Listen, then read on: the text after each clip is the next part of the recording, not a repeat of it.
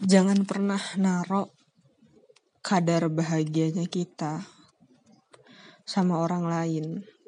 Karena sehappy apa pun kita berusaha untuk senang kalau nggak sama dia ya bahagia cuman rasanya kayak hambar aja gitu kayak biasa aja ini yang bikin gawat banget keadaan sih. Jadi seupaya apa pun kita ngebuat diri kita bahagia tapi sama dia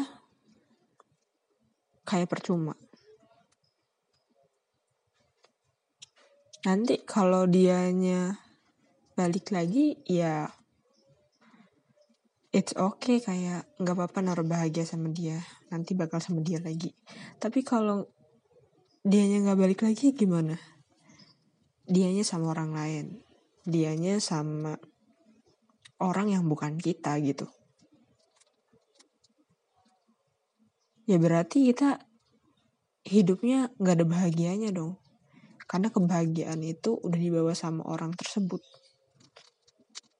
ini yang bikin dunia kita tuh hancur sendiri gitu. Padahal seharusnya apa pun rasa yang seharusnya kita miliki itu bukan ada di orang lain, tapi ada di diri kita sendiri.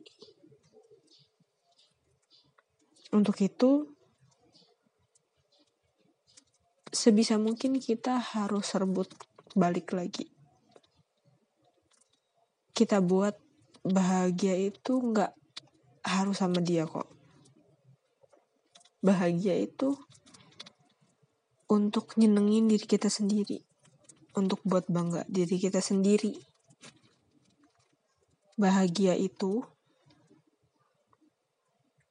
untuk kita.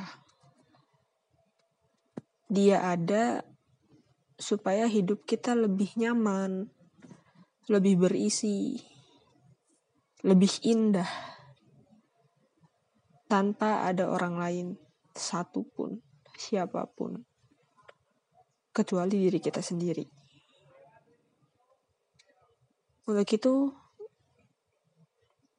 selamat merebut kembali kadar bahagia yang seharusnya kita punya